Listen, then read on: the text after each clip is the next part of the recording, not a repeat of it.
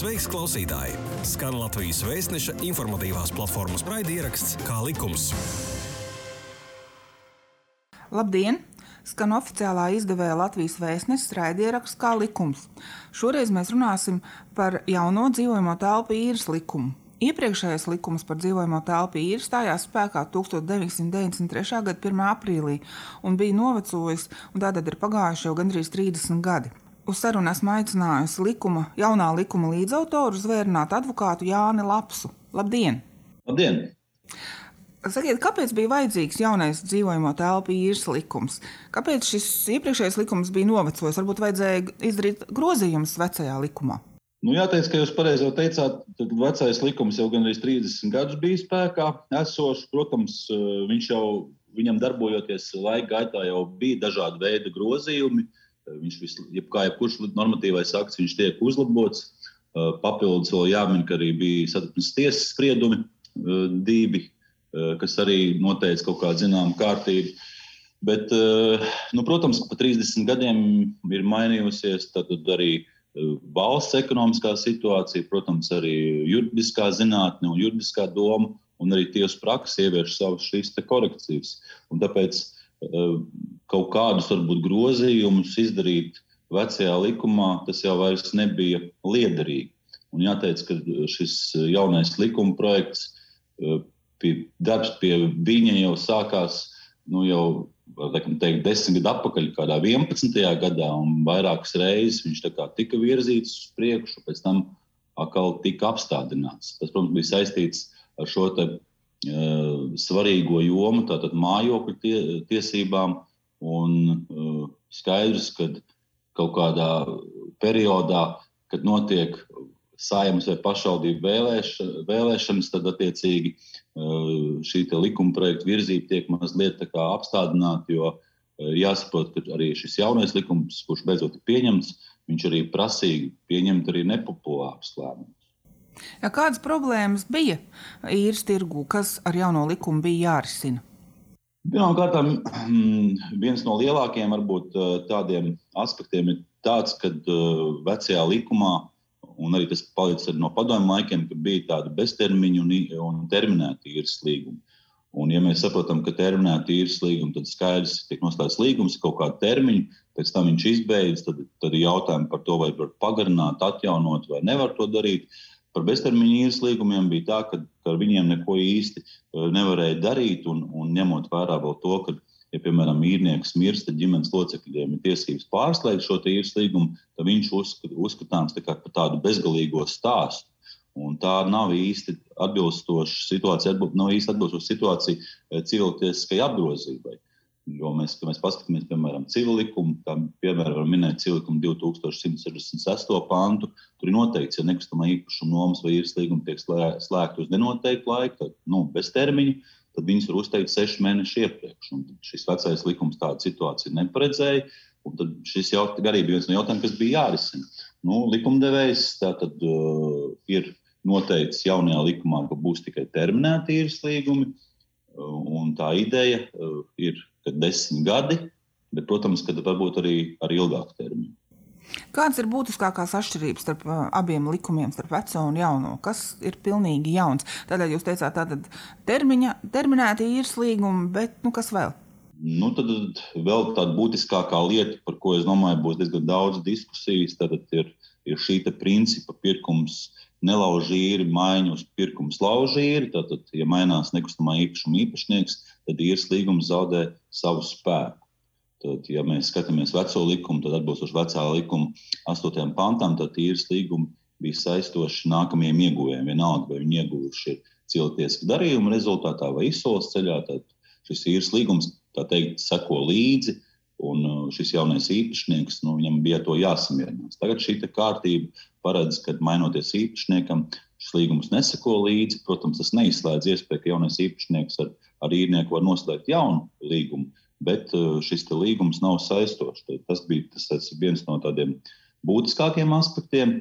Un jāteic, ka tīri vēsturiski, ja mēs skatāmies pirmskara uh, likumu, tātad 1924. gadā pieņemto likumu par telpīri, kas bija spēkā mūsu valsts teritorijā, uh, tad arī tur šie principi mainījās. Vienbrīd bija gan šis princips pirkums lauž īri, gan arī princips pirkums nelauž īri.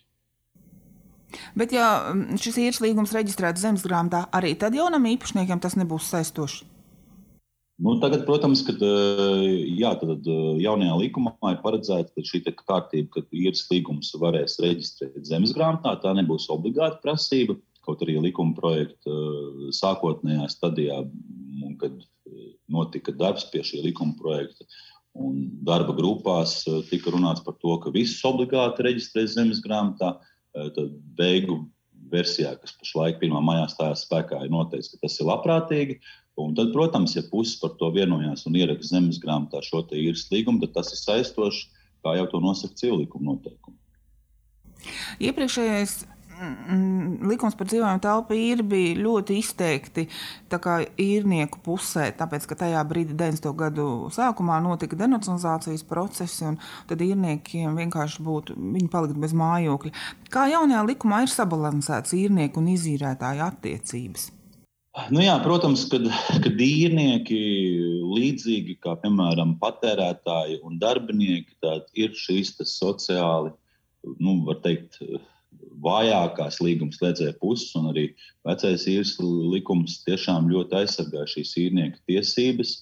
Un tas bija, kā jūs minējāt, saistīts ar šo denacionalizāciju, bet tur bija paredzēts šie pārējais periodi. Tā doma bija sākotnēji, ka šī pārējais periods būs tikai kādi septiņi gadi, Un, respektīvi, 2000. gadā jau vajadzēja būt pavisam citai kārtībai. Tad pagājuši atkal 20 gadi, un tikai tagad jaunais likums noteica, ka šīs īrnieku tiesības, nu, var teikt, ka viņas eh, tiek sašaurinātas. Un, eh, nu, varētu, mēs varētu lietot šo jēdzienu, ka tās tiek sabalansētas. Bet kā tieši tiks sabalansētas, to, protams, pierādīs šī te, uh, likuma piemērošanas praksa, gan uh, tīri slēdzot šos līgumus, gan arī tiesu praksi, vai, vai īrnieku tiesības ir mazāk aizsargātas, vai tomēr ir, ir jāpievērš tam joprojām pastiprināta uzmanība. Un, kā jau es esmu arī iepriekš kaut kur minējis, ka e, nav izslēgts, ka šis likums arī vēl tiks grozīts. Nu, ja ne šogad, tad nākamgad noteikti jau kāda grozījuma būs. Jo kā jebkurš likums, tad nekas nav ideāls un kaut kādas kļūdas jau tagad lasot likumu jau 5, 7, 10 reizi jau redzams, ka kaut kādas kļūdas jau ir likumā pieļautas. Jūs tikko pieminējāt, ka um, būs tiesu prakse. Tātad uh, jūs pieļaujat, ka daudz īrnieku un izīrētāji nevarēs vienoties un cels prasību tiesā par šiem īres līgumiem. Nu, jā, ja mēs skatāmies jaunā likuma pārējais noteikumus, tad tur ir viens no tiem, tiem principiem, tāds, ka ir, ir šis pārējais periods. Tātad, lietosim piecus gadus, ka piecu gadu laikā jānoslēdz saturiski jauni īres līgumi ar, ar zināmām šīm prasībām, ko nosaka jaunā dzīvotā pīrs eh, likuma 8. pants. Un eh, pieļauju, ka šeit tiešām daudzi nevienosies un būs eh, tiesvedības, kuras tiks ierosināts gan no izīrētāja puses, gan no īrnieku puses. Jā, pārējais noteikumi arī paredz, ka var ierakstīt īres līgumus zemes grāmatā. Turklāt šos pirmos piecus gadus pēc likuma spēkā stāšanās tas uh, būs bez maksas. Kādas problēmas uh, jūs redzat šajā aspektā? Vai daudz ierakstīs īres līgumus zemes grāmatā? Nu, es gribētu precizēt uh, nu, par to, ka bez maksas tad, tad nav tikai teikts, ka tikai pirmajos piecos gados. Vismaz es tā likumā neatrodu tur vispār paredzēt, ka, ka, ka šī ierakstīšana ir bez maksas arī uz priekšu, ne tikai šos piecus gadus. Par to, vai ierakstīs vai neierakstīs, tad nu, šai ierakstīšanai zemes grāmatā, e, kā jebkurai lietai, ir zināms plusi un mīnus gan izīrētājiem, gan īrniekiem. Tad, ja mēs runājam par izīrētājiem, tad viņiem tas pluss lielākais varētu būt, ka šis ierakstīts e, īres līgums tiek zemes grāmatā. Ja, piemēram, notiek šis termiņš, tad nav ar šo īrnieku jātiesājās varbūt 3, 4 vai 5 vai vairāk gadi, bet šo jautājumu varēs atrisināt bezstrīdus kārtībā. Un, uh, attiecīgi, īrniekiem tas pluss varētu būt, kad, kad ja ir ierakstīts šis īres līgums zemes grāmatā, tad uh, viņš, kā jau mēs runājam, viņš ir saistošs nākamajam ieguvējam. Jā, bet piemēram, Badiem beztermiņa īres līgumiem arī ir tā, ja nevarēs vienoties, tad tiesa var uh, noteikt uh, pēc sava ieskata termiņu. Un, un, un tā, tas nevarēs pārsniegt desmit gadus, tātad ne ilgāk kā 2036. gada 31. decembris. Manuprāt, nu, tas ir 15 gadi vēl uz priekšu. Manuprāt, tas ir ļoti ilgs laiks, līdz kuram tie beztermiņa līguma īpašnieki var dzīvot šajās saimnieku mājās. Nu, šis jautājums noteikti nebija vienkāršs. Es varu pateikt uzreiz, ka viņš arī nav vienkāršs un nebūs vienkāršs gan pagātnes, gan tagad, gan nākotnes formā. Jo, ja mēs runājam par šādu eh, materiālo tiesību normu pieņemšanu, eh, tad eh, vienmēr jāpatur prātā, ka ir šis civilikuma trešais pāns, kurš nosaka šo kārtību, pēc, kā, pēc kādiem principiem, ja pēc kur normatīvā regulējuma tiek izskatīti šie strīdi un pārējais noteikumos iekļautais šis termiņš, tad nu, desmit gadi vai maksimums līdz 2000. 36. gada 31. decembrim. Tad šī ir nu, neliela atkāpe. Un, un šis termiņš, varbūt kāpēc viņš ir nu, 10, plus 5, 10, 5, 15 gadi, viņš ir saistīts tieši ar šo jautājumu, lai uh, būtu šis pārējais periods, kamēr uh, tiktu, teikt, uh, sapra, tiktu saprast, kādā veidā šie normatīvi akti piemērojami, un lai izslēgtu arī um, kaut kādas šīs pretenzijas par, par, par kaut kādu uh, tiesību pārkāpumu, kur varbūt var rezultēties arī kādā satversmes tiesas vietā. Kā likums? Kā likums? Jā, tu klausies Latvijas Vēstneša informatīvās platformas raidierakstu Kā likums? Mhm. Man pašai interesants šķiet jautājums, kā tagad ir jānoslēdz īres līgumu uz konkrētu termiņu. Un ekonomikas ministrijas skaidrojumā par šo likumu bija teikts, ka to, to termiņu nevarēs grozīt. Kā tad īsti ir, piemēram, tagad noslēdz īrnieks uz pieciem gadiem? Un, un, un, piemēram, ja, pēc, un, ja viņš grib, piemēram, ātrāk beigt šo līgumu, viņš var mēnesi iepriekš uzteikt šo līgumu un, un tas līgumu laust.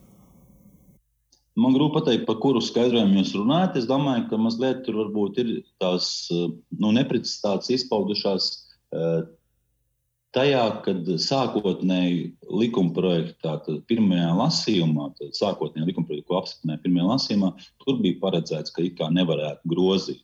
Bet šī beigu redakcija, tad jaunajā likumā, 9. pantā, ir vienkārši noteikts, ka ir uz noteiktu termiņu. Un tie iebildumi arī bija tātad, eh, nu, gan no saimnes deputātiem, eh, gan arī, arī no ekspertiem par to, ka, protams, ka, nu, tā nevarētu būt normāla situācija, kad normālā cilvēciskā apgrozībā līdzēji iziedes īrnieks nevarētu vienoties uh, par, par, par termiņu grozīšanu un tam līdzīgi. Es domāju, ka mazliet tur tā problēma. Bet īstenībā jau ideja bija mazliet cita. Ideja bija tāda, ka jābūt terminētiem īres līgumiem, uh, un, un nevar būt runa par viņu pagarināšanu. Bet, diemžēl šī ideja, uh, kur arī mm, neslēpšu arī es virzīju uh, darba grupās un visās šajās sarunās un, un šajā smagajā darbā, viņa nu, teikt, netika ietērpta normatīvajā regulējumā. Bet tas bija diezgan būtiski, lai iestājoties termiņam, nerastos nekādi strīdi, var vai nevar pagarināt. Nu, tad, ja mēs Viņam paņemsim piemēru, tad, ja līgums noslēdz līdz 31. decembrim, tad 1. janvārī tad līgums ir beidzies un ieniekš šajā dzīvokļa atrodas bez tiesas pamata, un viņš nevar prasīt nekādu pagarināšanu. Savukārt, ja puses vēlas pagarināt šo līgumu, par šo te, uh, iespējamo pagarināšanu, ja respektīvi precīzāk varētu teikt, jaunu līgumu noslēgšanu, būtu jārunā jau iepriekš, tātad attiecīgā gada uh, septembrī, oktobrī, novembrī. Nu, tātad šos līgumus varēs grozīt. Ja? Tad, nu, pēc, nu, varēs ab, grozīt, jā. Jā, abām nu, pusēm vienojot. Arī var grozīt, protams. Mm -hmm. Interesanti arī, ka iepriekš jūs teicāt par tiem beztermiņa īres līgumiem, ka ģimenes locekļi var arī tālāk īrēt uz tiem pašiem nosacījumiem, kādi viņiem bija. Tagad ir iekļauta tā, tāds nosacījums, ka īrnieka nāves gadījumā ar izīrētāju var noslēgt jaunu līgumu ar iepriekšējiem nosacījumiem, bet ne ilgāk kā uz desmit gadiem. Tātad tad tie īrnieki ģimenes locekļi līdz ar to nu, maksimums var dzīvot pie esošiem, esošajā dzīvoklī pie esošiem nosacījumiem vēl desmit gadus. Tas nebūs apgrūtinājums tiem izīrētājiem. Nu, grūti pateikt, vai tas būs vai nebūs apgrūtinājums. Šeit jāņem vērā, ka īres, īrnieka ģimenes locekļu lokus ir sašaurināts atšķirībā no vecā likuma. Bet tas, ko jūs minat, ka varēs pārslēgt uz desmit gadiem, tad drīzāk ir jāskatās un jāvērtē, ka tā tomēr ir kaut kāda neliela kļūda. Jo, ja piemēram īrnieks ir noslēdzis īres līgumu uz 20 gadiem, tad, ja viņš nomirst, tad ģimenes locekļiem, tad, tad bērniem vai laulātajiem būs tiesības prasīt pagarināšanu, kā jūs minējāt, tikai uz 10 gadiem. Kaut īstenībā līgums jau sākotnēji noslēgts uz 20 gadiem. Es domāju, ka šeit arī praksē būs pietiekoši strīdi. Par atbildot uz jautājumu, vai tas būs apgrūtinājums izīrētājiem, nu, protams, ka no izīrētāja pozīcijām izīrētājiem gribētu tā, nu, īrnieks tad, tad uh, nomirst un viss īres līgums izbeidz. Bet nu, šeit jāņem vērā, ka tomēr uh, tā ir ļoti svarīga cilvēku pamatiesība, tiesība uz mājokli.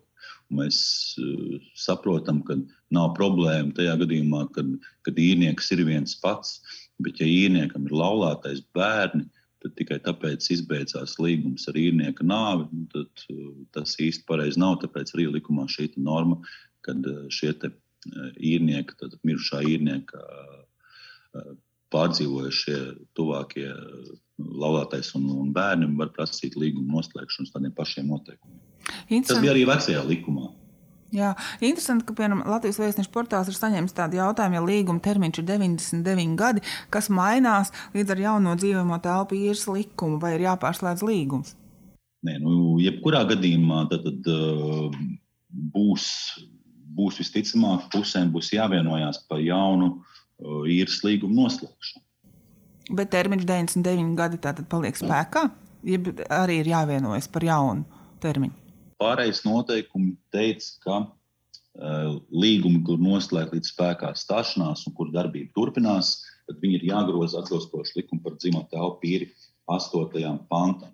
Un tur arī ir noteikti šie, šie, šīs pašas svarīgākās lietas, tā, ko mēs sakām, būtiskās sastāvdaļas, kuras mazliet vēl papildinās. Tā, tas ir jāvienojas par, par telpu, jāvienojas par termiņu, par maksu un paaugstināšanas kārtību un saistītiem pakalpojumiem, kādas personas tiks iemitinātas.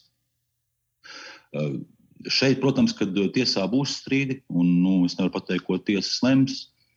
Tātad īsti ko atbildēt lasītājiem? Jā, bet, bet jāvienojas, ja kurā gadījumā viņiem būs, tāpēc, ka likums noteica, ka jāvienojās par šiem zināmiem nosacījumiem. Kā jau mēs runājām, un es minēju, tad, uh, ja sākotnēji pa termiņu bija teikts, ka tas būs desmit gadi, tad likumā pašlaik nav tā teikts, ka obligāti tikai 10 gadi. Līdz ar to 99 gadu līgumu varēs būt zināmas diskusijas un tikai attiecīgi no izīrētāja, no īrnieka, no viņu argumentācijas spējām. Ja viņi nespēs vienoties, tad būs jāpierāda savu taisnību katrai no pusē tiesā.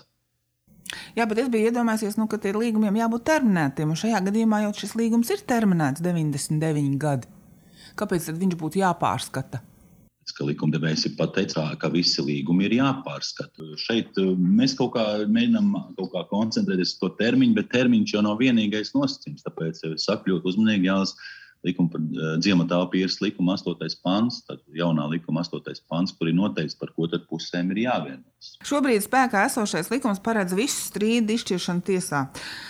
Bet uh, vienlaicīgi ar dzīvojamo telpu īres likumu tika pieņemta arī grozījuma civil procesa likumā, kas noteica saistību bezstrīdus piespildu izpildīšanu arī īres dzīvokļu gadījumā. Vai jūs lūdzu varētu pakomentēt šos grozījumus? Nu, tātad, Cilpas likuma 400. līdz 406. pāns jau iepriekš jau paredzēja līdzīgu kārtību, tikai kā izņēmums bija šis dzīvoklis. Tātad, kā jau saku, kur speciālais regulējums dzīvojamo telpu pīrstieskas attiecības, tad attiecīgi netika piemērots.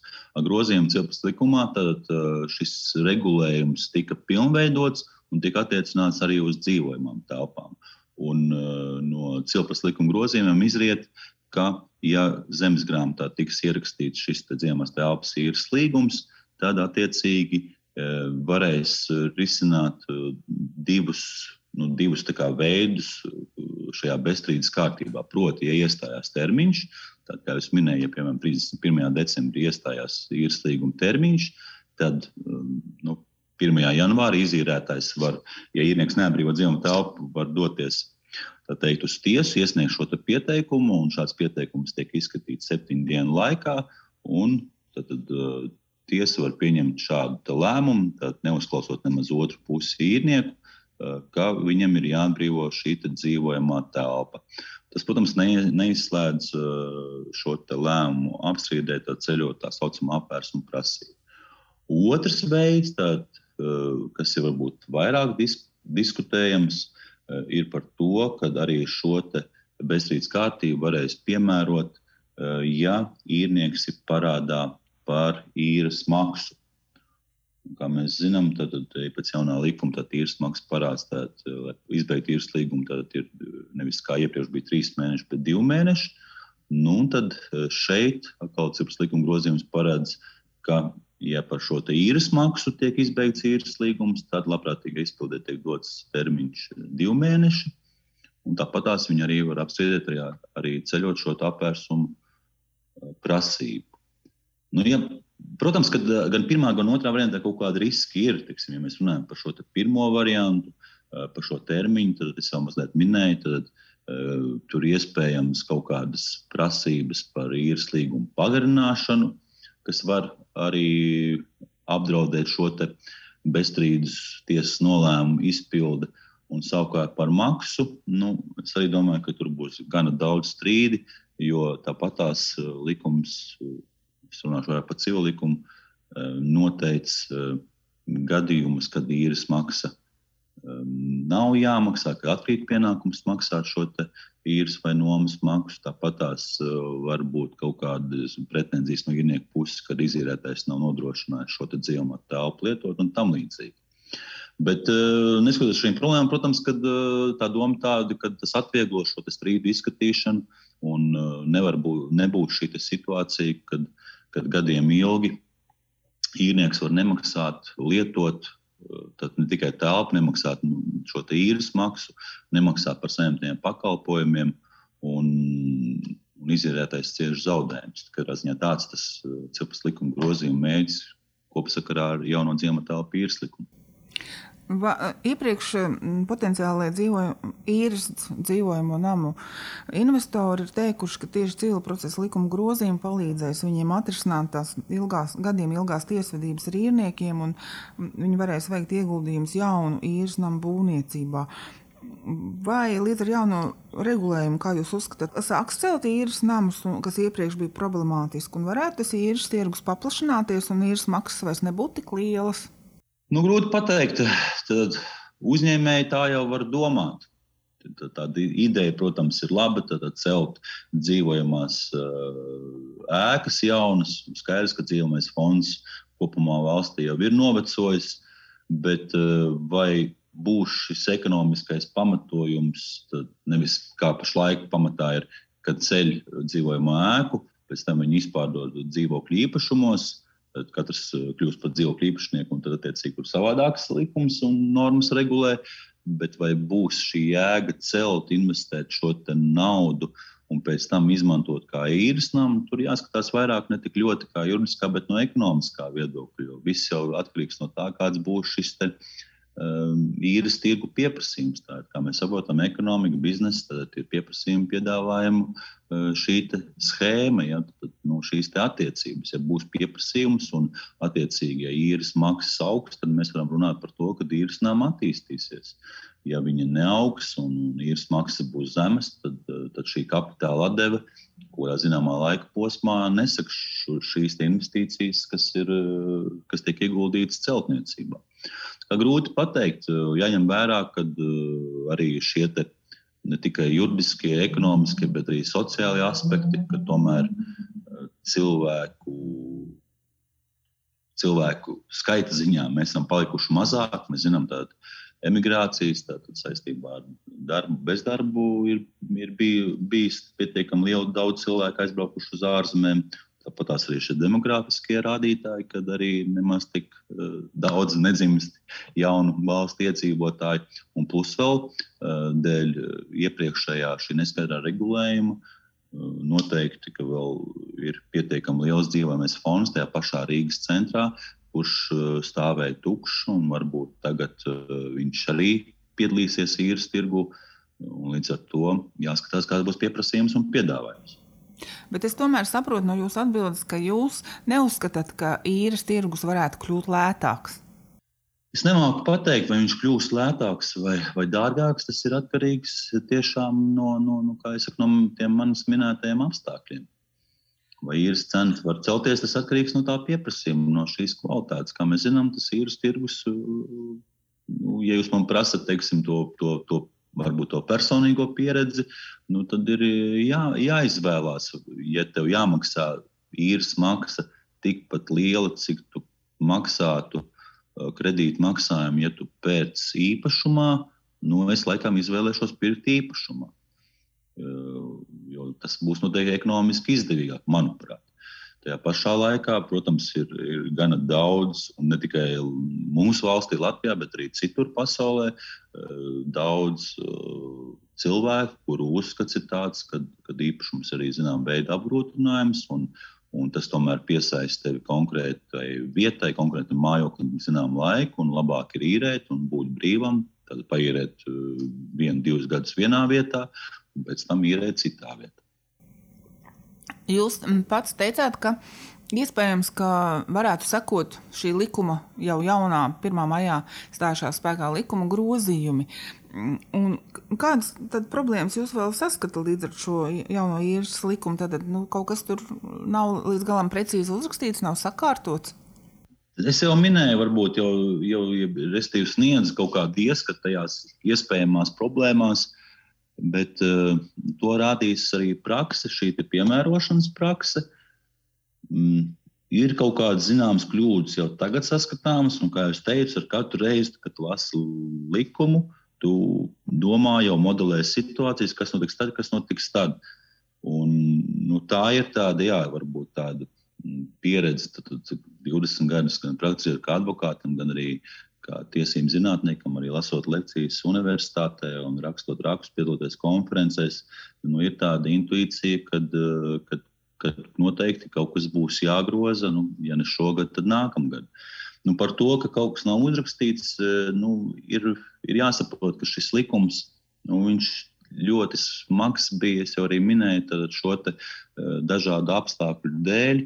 Un, lai viņš tiktu pieņemts, nācās iet uz dažiem kompromisiem, Eh, ko teiksim, pretī. Eh, piemēram, ja no vienas puses piemēram, bija šie attīstītāji un likuma projekta virzītājs ekonomikas ministrs, no otras puses dažādi īrnieku eh, pārstāvju biedrības un tās opozīcijas deputāti, tad skaidrs, ka, ka panā, ejot pretī un panākot zināms kompromiss, kaut kas varbūt pazūd, kaut kas varbūt līdz galam mm, likumā nu, neiet tā organiski klāt. Un, nu, es jau teicu, ka nu, zināmas, zināmas kļūdas, protams, ir un par to būs mums jārunā. Noslēdzot sarunu par dzīvojamo telpu īres likumu, tāds rezumējums, kāds būtu no jūsu puses. Šis tomēr bija ļoti sensitīvs jautājums, ļoti grūti nācās to jauno likumu pieņemt, bet tomēr kas ir iegūts ar to? Nu, grūti pateikt, kas ir iegūts. Nu, ir, ir, ir, ir, zinām, nu, ir progress tajā, ka e, šīs attiecības starp izrētāju un īrnieku viņam būtu. Un tas likums arī paredz to, ka viņas kļūst tuvāk šai tirgus ekonomikai. Tad šim piedāvājumam, pieprasījumam, tas ir viens. Otrs varētu būt uh, dzīvot un īrēt dzīvamās telpas tādas un tur kur tu to vari atļauties, tad nedzīvot pāri saviem līdzekļiem, un varbūt arī, kas ir paredzēti pārējais noteikumos, par ko arī pusēm ir jāvienojas, tad uh, būs jāieliek iekšā tie paši par īres maksu, un kā, tad, piemēram, kā viņi var paaugstināt šos zināmos algoritmus, jo, piemēram, vecajā likumā tad, tad bija norādīts, ka īres maksa sastāv no tā un tā, atsevišķi ministra kabineta noteikumi, par ko ļoti liela strīda praksē, un tos ir ļoti grūti pierādīt. Tad mistiski tā daļa peļņa. Nu, tas vairs nebūs. Cik jābūt lielai šai īres nomas maksai? Viņai jābūt tad, uh, normālai, patiesai atlīdzībai par lietas lietošanu. Un nevar būt situācija, ka, piemēram, uh, tirgu, ja šāds īres dzīvoklis, maksā 300 eiro mēnesī, tad uh, kāds par to maksā tikai 100 eiro. Nu, tāda tā kārtība nevar būt, un tāpēc uh, šis jaunais likums ir vērtējams pozitīvi. Lielas paldies jums par sarunu! Atgādinu, ka diskusijā par dzīvojamo telpu īres likumu bija zvērnāts advokāts Jānis Lapsa, un jūs klausījāties raidierakstu kā likums. Paldies! Šī bija iknedēļas pusstunda kopā ar oficiālā izdevēja Latvijas vēstneses informatīvās platformas raidierakstu Kā likums. Pastāsti citiem, ja bija noderīgi un interesanti. Kā likums, tiekamies ik trešdienu!